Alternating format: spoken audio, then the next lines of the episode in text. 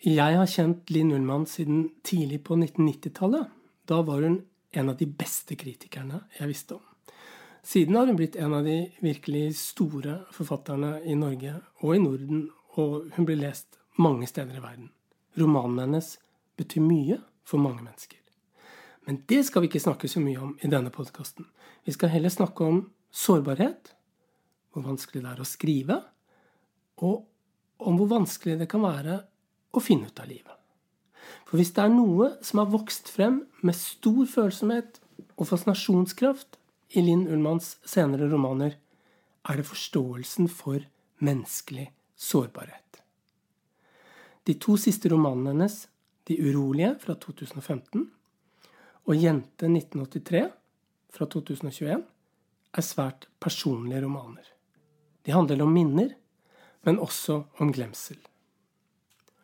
Jente 1983 drives av et intenst minnearbeid. Linn har forsøkt å skrive om denne natta i Paris på begynnelsen av 1980-tallet før, men har ikke fått det ordentlig til før nå. Hun vet at hun reiste til Paris det året. Hun vet hvem hun møtte og hva hun gjorde der, men det aller meste er likevel glemt. For å skrive om det som skjedde, og for å gi jenta i 1983 liv, måtte hun dikte frem historien. Hva har man glemt? Hva husker man egentlig av viktige hendelser i sitt eget liv? Og hvilke minner er blitt til etter at de er diktet frem og skrevet ned? Jeg heter Geir Gulliksen, og jeg skal snakke med Linn Ullmann om minner og glemsel. Du hører på akkurat dette akkurat nå, en podkast om litteratur fra forlaget Oktober. Hei, Linn. Hei, Geir. Du, jeg har tenkt på Først hadde jeg tenkt nemlig at jeg skulle spørre deg liksom Hva er det som skjer når man skriver? Men så er det slik at eh, denne romanen, 'Jente 1983', den, den ble jo til gjennom en del år, kan man si på én måte. Og dermed så har jeg kanskje mer lyst til å spørre deg hva er det som skjer når man ikke kan skrive? Hva er det? oh. Ja, det er jo en det fyller jo hele kroppen. Og, og det kan godt hende at man skriver Og det gjorde jeg. Jeg skrev på ting hele tiden. Eller veldig mye. Jeg bare visste at det ikke førte noe sted. Eller at det ikke, egentlig ikke var noe. Eh, jeg skrev jo jeg tror 200 sider på en roman eh, som ikke ble noe av. Og jeg tror jeg visste det hele tiden, egentlig, at denne, dette er ikke levedyktig. Um, så det er en, en slags uh, En slags skygge, eller en slags uh, liten pine i kroppen som er der hele tida. At nå skriver du ikke.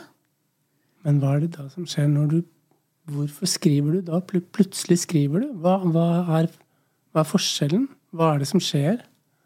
Kan du si Går det an å si det? Jeg husker at da det eh, begynte å liksom snu med Jente 1983 Det var at jeg så et bilde av skuespilleren Tilda Swinton i en rød ballkjole. Eh, og bildet var fra en kortfilm som hun hadde laget nylig med Pedro Almadovar. Og den kortfilmen het Den menneskelige stemme, altså basert på Cocteaus stykke menneskelige stemme. Og da skjedde to ting. Det ene var at jeg husker begynte å huske noe. Jeg begynte å huske at moren min rundt altså tidlig 80-tall, som jo denne boken handler om, spilte i Den menneskelige stemme av Cocteau. Men det andre som skjedde, var at den røde kjolen til Tilda Swinton den må jeg på en eller annen måte få inn i boka. Jeg tror jeg må skrive en rød bok. Jeg tror jeg må gjøre noe rødt. Kanskje jeg skal gi jenta en rød lue. Um, og så begynte jeg å tenke på en rød lue, og så begynte jeg å tenke på andre ting som kanskje den jenta hadde på seg. Ja, kanskje en blå kåpe. Ja, Kanskje ikke boka skal bare være rød, men kanskje den skal ha et blått kapittel og en rødt kapittel. Og så plutselig så bare begynte det å Scenene bare å liksom um, De begynte å finne sin rekkefølge. Mange ting var jo allerede skrevet. Og til og med ting i den boka som ikke ble skrevet, kom jo med i denne nye boka. Men da falt liksom ting på plass. Og jeg tror alt har å gjøre med Tilda Swinton i en rød kjole. Fantastisk. Men også minne. Og også et minne av eh, moren min som spilte Cocteau Eh, det var nok noe litt før 1983. Det var liksom, men jeg, jeg begynte og, og, hun hadde på seg en Hun hadde ikke på seg en rød kjole. Eh, det stykket handler om, er en kvinne som snakker på telefonen eller venter på telefonen eh, fra en kjæreste som har gått fra henne. Og som skal egentlig bare komme og hente koffertene sine og hunden sin. Så både hunden og kvinnen sørger over denne mannen som har forlatt dem. Og så er det eh, telefonsamtaler med denne mannen, men man hører bare kvinnen, hva hun sier. Og da moren min spilte den rollen, så husker jeg at hun var ikke kledd i en rød ballkjole. Hun var kledd i en, en sånn lang silkenattkjole som jeg tror har dukket opp i bøkene mine siden. Altså moren til jenta i sånne lange tynne silkenattkjoler. Um,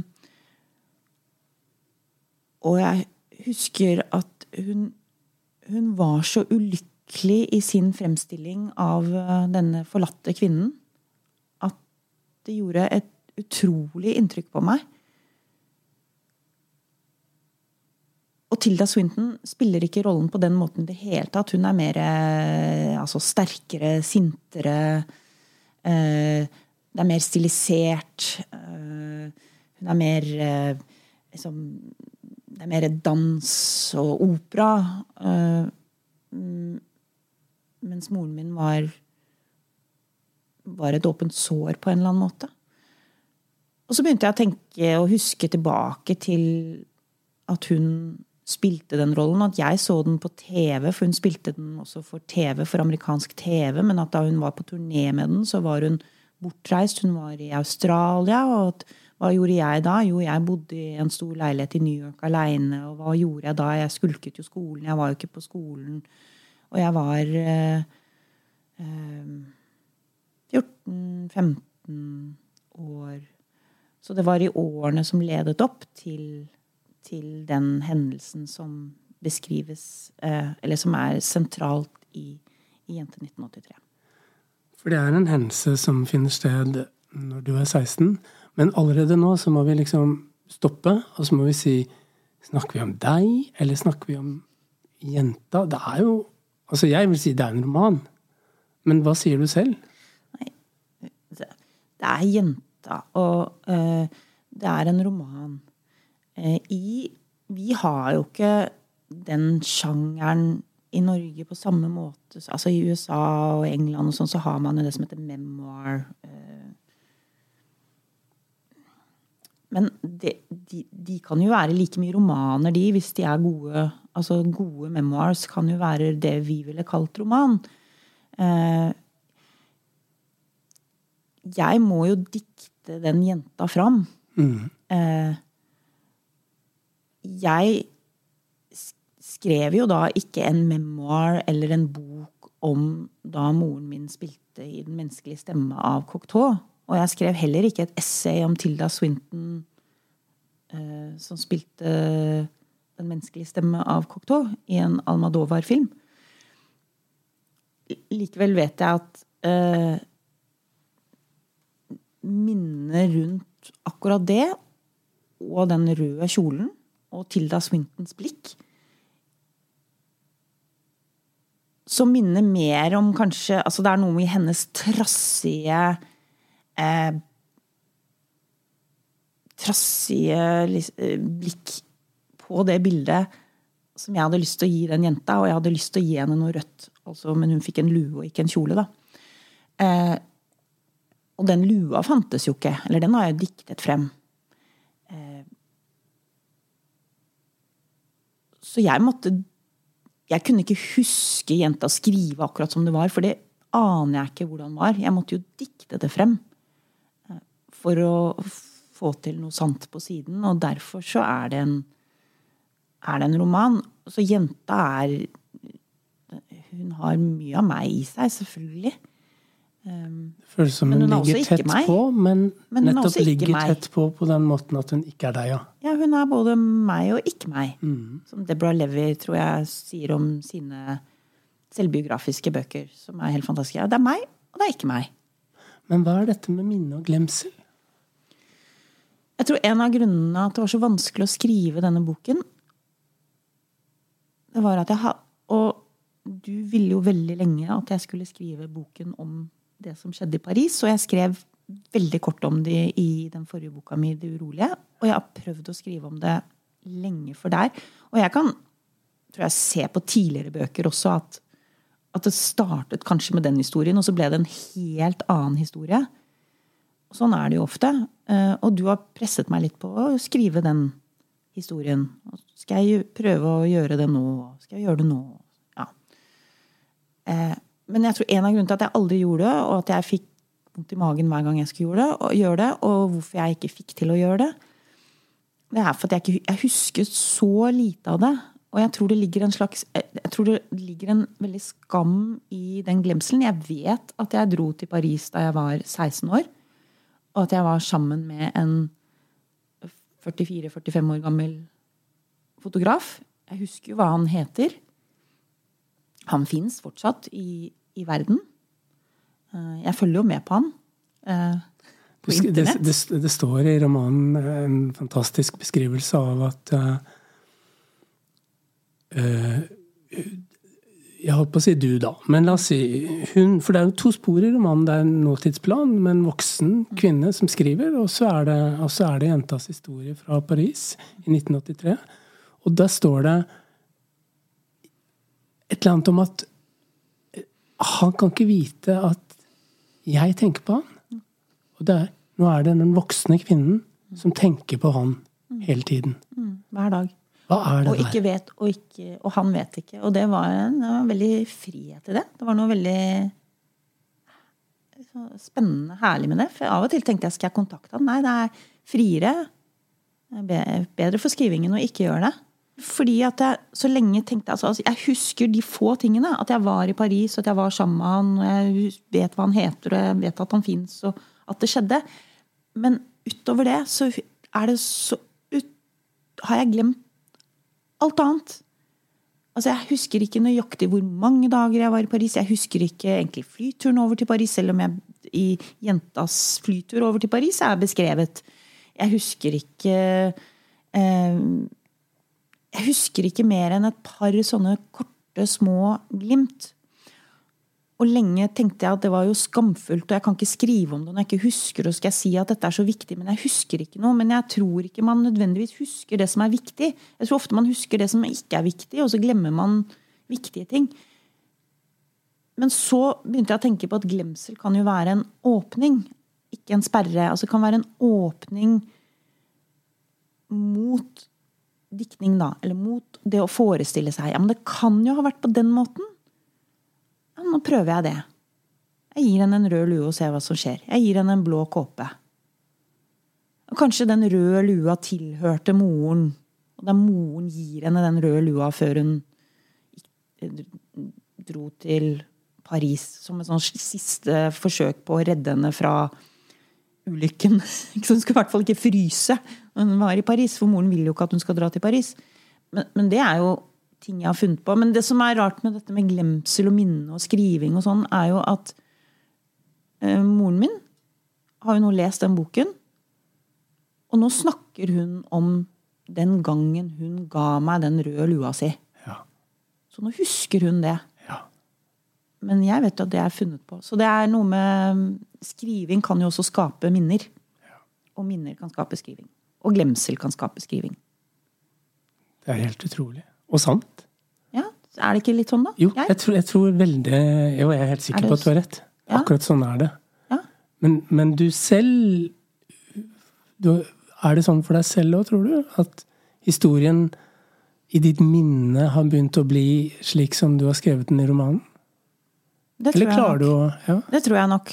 Uh, at nå ser jeg jo for meg ting Og romanen er jo skildret i, sirkler, altså som én Man kommer stadig tilbake til det ett døgn i Paris. Eh, med de forskjellige jenta treffer, og det går liksom gjennom en lang dag, og så en lang natt, og så litt av neste dag. ikke sant? Og så det er nesten som en roadmovie. Kommer stadig tilbake til de samme punktene på gaten, på diskotek, i leiligheten til A, fotostudiet. Fotografen som kalles A. Ja, fotografen som kalles A. Og eh, på det kalde badet hans, hvor jenta sitter med de hvite flisene. Eh, Det er noe helt fantastisk med denne romanen. En av de mange fantastiske tingene ved den, syns jeg, er nettopp det hvordan dette døgnet, eller hva det er, liksom finnes hele tiden. Det utspiller seg hele tiden. Jeg kan tenke på det, nå har jeg nettopp lest den om igjen, og, og for meg så er dette døgnet denne jenta er omkring i Paris, det er en slags eh, akutt nåtid. Fremdeles, på en måte. ja. Nei um... Men du må lese. jeg, bare, jeg må jo bare si at jeg hadde jo ikke skrevet den hvis ikke du hadde pusha sånn på det. At jeg skulle skrive den. Det er jeg veldig glad for at jeg gjorde, i hvert fall. Du maste. Ja, det Jeg kommer jo med side på side på side med andre romaner som var veldig tenkt ut og allting. Du sa ja, dette er kjempefint, sa du. Det er det som er så fint med deg som redaktør. Det er kjempefint. Dette er så bra! Dette er så bra! Og skal vi snakke litt om der, den der parentesen hvor du har skrevet noe om Paris? Men eh, Det er veldig fint at du sier det, men, men jeg, tror, jeg tror ikke det var, et, det var nok ikke fordi jeg hadde et veldig sterkt ønske, jeg, om at du skulle skrive det, men at det var noe med den parentesen. Ja. Ikke sant? Det skjønner jeg. Ja, Ja. ja absolutt. Jeg skjønner at Ja, du skjønner gjorde- det, men jeg føler at vi må si det. Nei, ja, men vi må si det. Ja, og det er helt riktig. Jeg, eh, det- var det samme eh, Egentlig sikkert vært det samme. Du har vært min første leser på alle de syv bøkene mine. Og jeg husker det var noe lignende med den forrige boka mi, 'De urolige', hvor jeg hadde kanskje leverte 70-80 sider som handlet Jeg husker ikke hva det handlet om engang. Det, det er helt uvesentlig. Og der hadde jeg også en sånn liten parentes eller et par setninger om en far som døde, og noen kassetter som, eller noen sånne bånd som var igjen med noe sånn. Og så gikk jeg videre til det den egentlig Og så sa du ja, kanskje det, kanskje, kanskje det kunne være noe. Du, kan du lese litt? For noen år siden fikk jeg en tekstmelding fra en journalist. Hei, Smiley. Jeg skulle gjerne snakket med deg om hva som er sant og hva som er fiksjon i den siste boka di. Har du tre minutter til en prat? Jeg hengte meg opp i feil ende av spørsmålet og ble sittende og tenke på de tre minuttene. Hva skulle jeg svare? Det tar for eksempel mer enn tre minutter å telle alle trærne i Torshovparken og mindre enn tre minutter å gå rundt bronsedukkehodet i Torshovdalen. Men det tar ganske nøyaktig tre minutter hvis man passer på å ikke gå for fort og ikke for langsomt og spasere fra Torshovparken til Torshovdalen. Bronsedukkehodet er syv meter høyt og modellert etter et dukkehode som kunstneren Marianne Heske kjøpte på loppemarked i Paris i 1971, tolv år før jeg dro dit for å bli fotografert.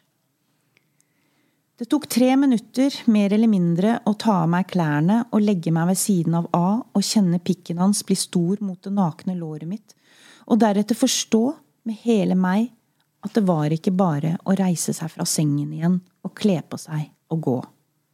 Ikke nå, det har gått for lang tid.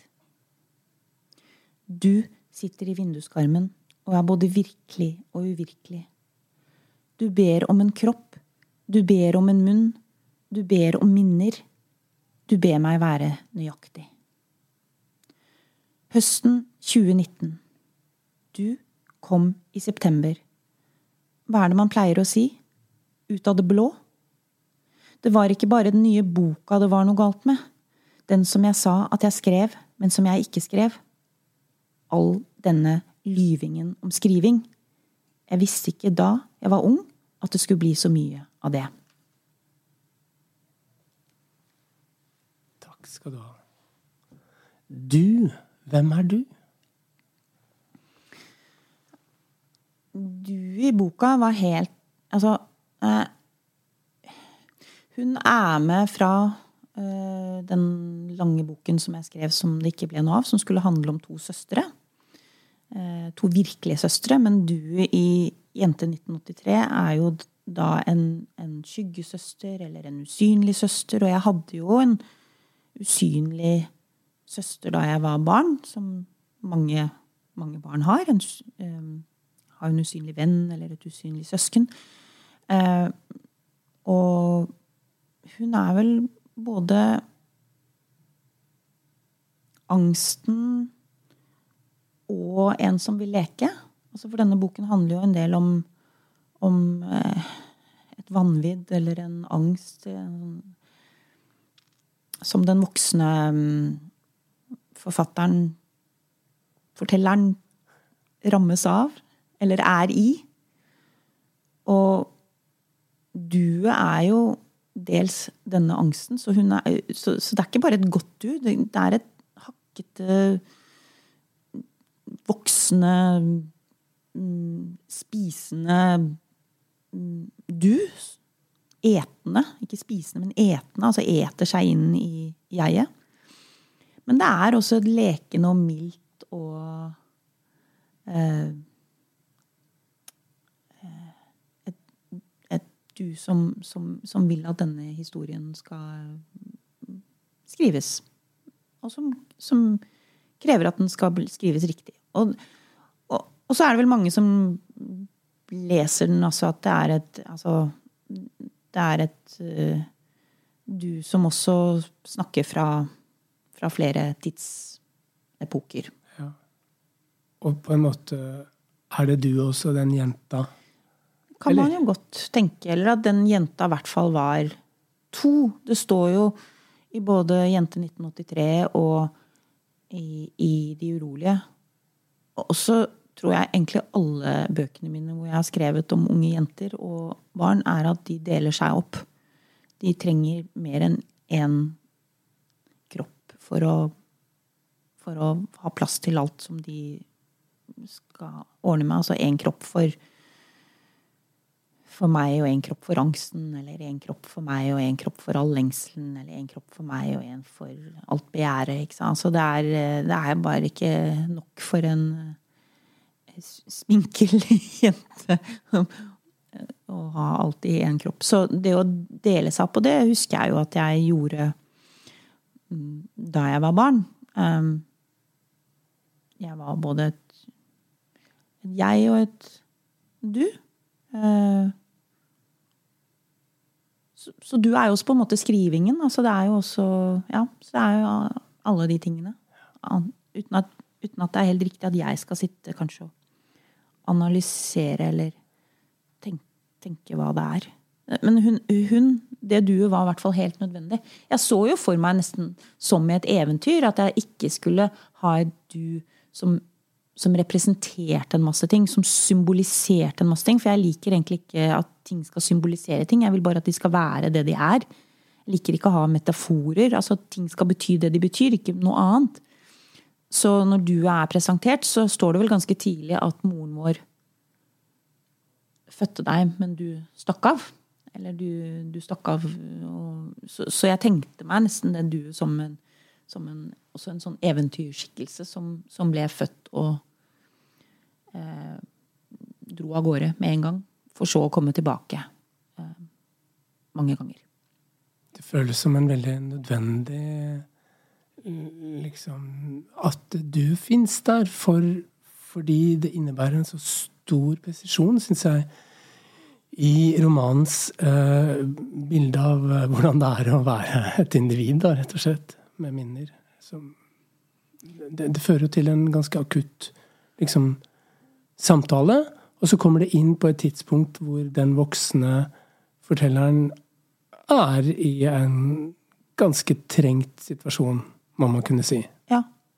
Så hun dukker jo opp samtidig med denne eh, Altså i boken samtidig med dette denne voldsomme angsten, da. Selv om Igjen så liker jeg ikke å sette ord på eh, I denne boken så prøvde jeg nok å gå litt i opposisjon til vår eh, veldige, våre veldige ønsker om å kategorisere allting, eller putte sette et navn på allting. Altså, Jenta er jo navnløs, altså, hovedpersonen er jo navnløse, men også hva denne voksne kvinnen eventuelt eh, lider av, eller hva som har rammet henne. Eh, at ikke det får en diagnose, for at diagnoser de, de For mange er det kanskje lettende, men, men de kan også redusere, være reduserende. Og så lever vi jo i et samfunn som, hvor ting skal gå fort, og hvor det skal være raske løsninger, og, og hvor man tenker at ja, men hvis jeg bare Altså, altså øh, hvis vi, noen sier ja, men hvis man bare finner grunnen til angsten, altså finner én grunn, så har man liksom løst det. Eller hvis man øh, eller man løser det ved å si at ja, men her kan vi gi medisiner. Eller man løser det ved å si ikke skriv. det, som en har, psykolog Som en av psykologene til, ja. til, til, denne kvinnen sier. Um, og som først da jeg skrev denne boken, og det har jeg også hørt altså Kanskje best å ikke skrive om ting, for du blir jo så, blir jo så opprevet av det. Men, men eh, når jeg skrev, begynte å tenke på alle alle, særlig kvinner, særlig kvinnelige forfattere, Mm. Men kvinner generelt, liksom opp gjennom hundreårene, har blitt fortalt at de skal holde munn. De skal ikke skrive. De skal ikke si så mye. De skal ikke eh, De skal ikke bruke sin kreativitet. De, skal, de, de, de må bare eh, bli, være contained. Altså man mm. må ikke er, Jeg liker ikke å bruke engelske ord, unnskyld, men altså de må hvordan sier man det? Sånn, de må liksom holdes på plass. Være litt grei. Ja, være litt grei. Ja. ja. Og det er jo Så det, det, forundret meg at selv i dag så kan man Så er det en, en, en løsning som man kan få på et kontor hos psykologen. Ikke skriv. Kan du lese et stykke til? Ja. Dette er jo tilbake i 1983 i Paris. Altså nå leser jeg ikke noe dette er noe jeg sier, eh, Geir, til deg. For, å, for at epigrafen på denne, til denne boken er jo Kvitebjørn kong Valemon. Eh, det fantastiske eventyret hvor jenta Eller hun er jo kongsdatter i eventyret, da. Men jenta er den som eier blikket. For det handler jo om, du husker kanskje i det eventyret, at jenta ser på prinsen om natten. Altså hun tenner et lys for å se på han, for han er prins om natten og hvitbjørn om dagen. Og hun ser på han. Og det er ikke prinsen som eier blikket i denne, dette eventyret. Og det er ikke noe Askeladden. Det, det, er ikke, det, er ikke, det er jentas skjebne og hennes blikk og hennes begjær vi følger gjennom hele boka, så, nei, hele eventyret. Og det var viktig for meg skrivingen av denne eh, boka. Jentas begjær og jentas blikk. Men det var bare for å si noe om det jeg skal lese nå. Jeg vikler det hvite lakenet rundt meg og setter meg opp i sengen. Jeg vet det. Jeg vet at det er uanstendig å se på ham når han sover. Uanstendig å ta seg til rette på denne måten natt etter natt etter natt. Jeg er ikke en mann. Jeg er ikke en voksen. Det er uanstendig. Det er frydefullt. Jeg napper av ham teppet. Den snart 45 år gamle nakne mannekroppen har tuster av hår her og der. Når han sover, har alderdommen allerede tatt et godt tak i ham. Han er så ubeskyttet. De lange, tynne krøllene hans. Kanskje jeg skal klippe dem av? Begjæret er helt fraværende nå. Jeg vil ikke ha ham. Søvnen har tatt alt sammen. Kroppen hans buler ut og skrumper inn. Det gjør ikke min. Jeg er 16 år. Han hører ikke at jeg fniser. Han sover så dypt. Kroppen hans minner om frukt, om overmodne epler i en skål på bordet under vinduet. Takk skal du ha. Ja, jeg, jeg tror ikke liksom at det skjer Har det skjedd veldig ofte at man har fått en 16 år gammel jentes blikk på en 44-45 år gammel manns kropp? På, på, den mannlige kroppen?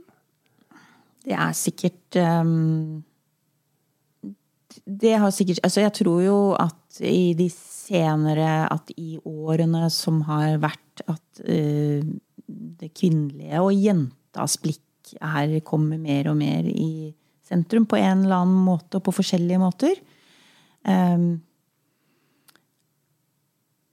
det føles likevel og, helt uhørt og nødvendig, uh, må jeg si. Uh, det var men, fint å gi henne det blikket, i hvert fall. Ja. Det står ganske mye om begjær i den romanen. Jentas begjær. Og det er, det er noe her som er helt bevegelig og levende. Og, og altså, det er jo en situasjon, det som skjer mellom dem, som ikke er vanskelig å si ja, men det er et overgrep eh, fra hans side.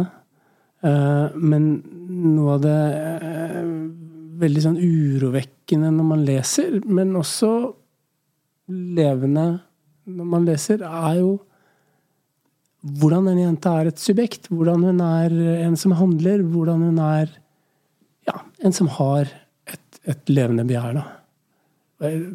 Har du tenkt rundt dette her, eller hvordan Det er vanskelig å snakke om. Det er lett å lese, vanskelig å snakke om. Ja. Altså, jeg har jo tenkt jo Det var, var viktig da jeg skrev boken, og det var vel en av de tingene som som gjorde at jeg også klarte å skrive den. At, at, det var At mitt fokus var egentlig ikke på fotografen A. Det var egentlig ikke på den han. Det var på henne. Det var på hva hun så, hva hun opplevde. Og hvis hun gikk seg vill, så, så var ikke egentlig det noe som da skulle bli vanskelig altså som gjorde skrivingen vanskeligere. Det var egentlig det jeg skulle skrive om. Altså det å gå seg vill på så mange plan. Eh, og hun er jo overtent av begjær. Eh, og hele boka handler jo om eh, jentas begjær og lengsler og at Altså, hun, hun, kan jo ikke komme seg ut av barndommen fort nok. Altså, hun, hun hun, hun, er jo akkurat i den alderen hvor hun ikke er helt barn, men hvor hun føler seg som hun er liksom så mye mer voksen enn hun kanskje er. Og så er hun også mer voksen enn det mange tror hun er. Sånn at hun er liksom Hun er, hun er for å tenke, Det er et annet eventyr som jeg er veldig glad i. Det der som heter 'Ikke ridende, ikke gående'. Altså hun jenta som bare skal få prinsen hvis hun liksom gjør det umulige av å ikke, ikke, ikke gå, ikke ri, ikke være kledd, ikke være naken. Altså hun, hun, er, hun er midt mellom alt mulig. Altså også hun jenta i min bok. Eh, og hun hun tror jo hun er mer enn klar for å reise til Paris og takle det som livet kaster på henne der og det, som, det hun møter der. Men det er hun jo ikke. Hun har jo ikke noe språk for det, og hun, hun, hun har ikke noe helt forståelse av hva det er som skjer eh, i hennes egen kropp, som er altså både en veldig lyst og, og en veldig kval, kvalme. Eh, og det er kanskje noe, en av de få tingene jeg selv husker fra, fra vinteren 1983 i Paris, er, er de to tingene. Eh, eh, lysten og kvalmen, og at de skjedde omtrent liksom helt på likt. Og at jeg husker at jeg faktisk veldig lenge trodde, og nå snakker jeg selvbiografisk, jeg veldig lenge trodde at han var så voksen Så han kunne umulig tenke på meg på den måten. Sånn at jeg kunne leke, jeg kunne flørte, jeg kunne vise meg frem. Jeg kunne gjøre alle disse tingene. Smile til han. Utforske alle disse nye redskapene som var helt nye. For et år tidligere var jeg jo liksom bare jentunge uten at noen ville sett på meg i det hele tatt. Men jeg trodde faktisk at han var så voksen at han ville jo ikke gjøre Altså, det falt meg liksom ikke inn.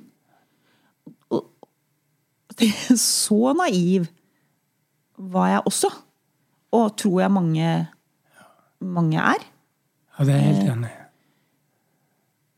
Og at han på en eller annen måte skulle beskytte meg, mens jeg viste frem alt jeg hadde. Ja. Så det å prøve å beskrive den eh, balansen Altså den bråmodenheten og den naiviteten og den Altså det at hun går helt frivillig inn i disse situasjonene. og er, Hun er ikke et lite barn, og hun er ikke jomfru. Hun er ikke liksom, lillefrøken uskyld heller. Eh, samtidig som hun på en eller annen måte tror at de voksne De er jo voksne. Så det å skrive henne frem ikke som et offer eh,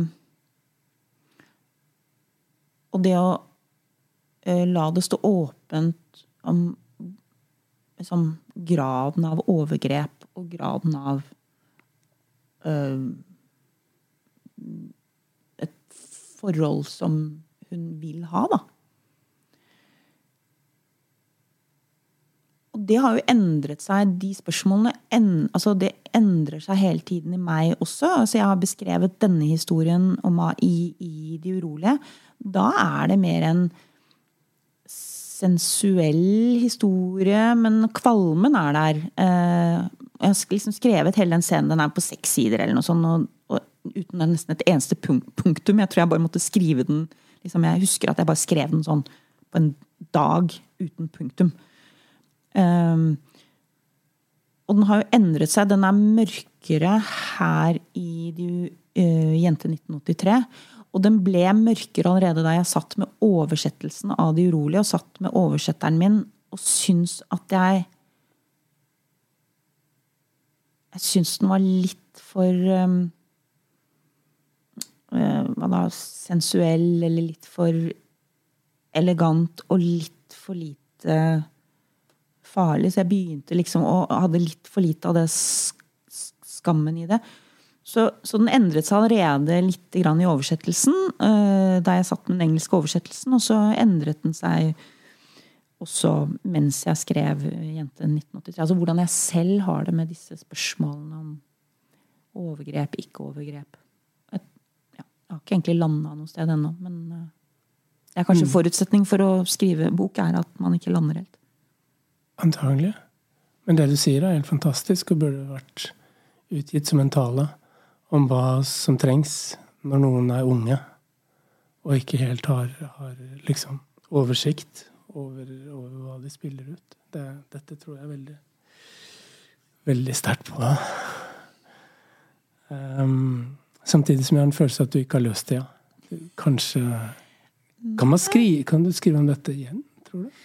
Jeg kan ikke Duras. eh, som du har eh, lest mye og snakket om, og jeg har hørt deg snakke om. Altså, skriver jo om eh, Du har jo skrevet om de altså alle gangene hun har prøvd å skrive om om den historien som er elskeren, da. Eh, ung, som handler om da hun var ung og traff en eldre mann. Eh, elskeren har jo betydd veldig mye for meg. Og det rare er med elskeren, som er den beste av de gangene hun har skrevet om den, uh, den historien. Men hver gang jeg leser elskeren, Margrit Duras 'Elskeren', så har jeg et annet altså, så har jeg et annet forhold til den. Altså jeg får andre reaksjoner. Sånn at den har jeg også lest som liksom, sensuell og elegant til noe mørkere, til noe sintere. Eh, jeg vet ikke hvor mange ganger jeg hadde lest den eh, før jeg også så dette utrolig morsportrettet. Eh, og morens ambivalens og morens rolle i det hele. At hun, altså Duras, aldri blir helt ferdig med å ble aldri helt ferdig med å skrive om moren sin heller. Mm. Uh, ja. Du må lese et stykke til. Nå er vi tilbake til nåtid. I dag kom jeg på en ting. Jeg vil fortelle deg om ro. Den kommer like uventet som glede eller søvn når du trodde du ikke skulle få sove, eller latter eller som jenta du ikke visste var i nærheten, som løper opp og ned trappene, banker på alle dørene og spør etter deg. Det er ikke alltid det hjelper å puste. Det er ikke gitt at du får til å puste på den riktige måten med magen i firkant og med lange utpust, bare fordi du vet at det er det du skal gjøre. Hunden er blitt enda eldre. Han kan ikke leve videre i all evighet. Det er det jeg vil, at han skal leve lenger. Beina hans er tynne og stive. Det er et veldig rabalder hver gang han reiser seg eller legger seg ved siden av meg i gresset. Vi går tur hver dag. Den svarte pelsen skinner. Pelsen forteller mye om hvordan en hund har det, og pelsen er fin. Vi finner ikke skygge noe sted, selv ikke under almene. Ingenting er som før da han og jeg la ut på tur uten å tenke over hvor lenge vi var borte. Men nå vil han snuse på alt. Han vil ikke gå glipp av en eneste duft i sitt 14. år. Hjemme i de kjølige rommene der hunden og jeg bor med mannen min og Eva, fyller jeg vannskålen og setter den på gulvet. Han senker hodet og drikker. Hvis du hadde levd, hvis du hadde vært virkelig, kunne vi stått sammen og hørt på lyden av hunden som drikker vann. Han leppjer det i seg. Det er den vakreste lyden jeg vet, og helt uoversettelig. Takk skal du ha. Det der med hunden Den hunden har eh, Den er viktig denne romanen. Veldig. Hva skal vi si om den hunden? Og han symboliserer jo i hvert fall ikke noe. Altså, han er Altså, en hund symboliserer aldri noe. En hund er ikke en metafor for noe annet. En hund er eh, bare en hund. Jeg holdt på å sitere noen her, men en hund er en hund. Eh, han forsøker å finne ut hvordan han skal leve som hund, står det Ja, han prøver å finne ut hvordan han skal leve som hund. En hund er jo ofte preget av sin, eh, sin familie, eller sine menneskelige, sitt menneskelige vertskap. Eh, så hvis menneskene er litt eh, er urolige, så blir jo ofte hunden litt urolig også. Og, og vi, jeg, vi har en i min familie en gammel hund som som, som denne hunden i boka er eh, portrettert som er, som er portrettert i denne boka. Og hunden bruker jo den tiden den tar på å gjøre de tingene den gjør. Eh, altså, det er ikke Og i hvert fall en gammel hund. Det er helt umulig nå, når han er enda eldre enn han er i denne boken Han lever fortsatt. Eh, skyndte skynde på ham, f.eks. når vi er ute. Han skal snuse på alt. Altså, det er eh, og det er noe med å høre på en hund Høre en hund drikke vann, eller lukte på en hunds labber. Eller ta del i gleden en hund har når den ser deg, selv om det bare var en time siden sist. At man tar seg tid til å ta del i den gleden over å se hverandre igjen. Og så er det jo noe med hunder og tid som Som jo er Altså, det er komprimert tid fordi at denne hunden var jo den yngste i familien. Og nå er han den eldste i familien. Så de, de, har jo De har jo så De har jo så kort tid egentlig med dem. Altså øh, og at man opplever et helt livsløp eh, Ja. Så det var noe med det. Og det er noe med Men det er noe med altså at hunden, hunden må jo gå turene sine selv om man ikke orker å stå Klarer å stå opp av badegulvet, eller hvor det er man befinner seg hvis man eh, ikke klarer noen ting. Men hunden må jo komme ut. Eh, jeg har tenkt på det at um, Fordi George Orwell har skrevet i det essayet som heter Why I Write, så har han skrevet noe om at, at man må elske jordens overflate. For det må man, på en måte. Men også for å skrive, da. Og at det er noen sånne veldig sterke ting i denne romanen som er hunden, trærne i Torshovparken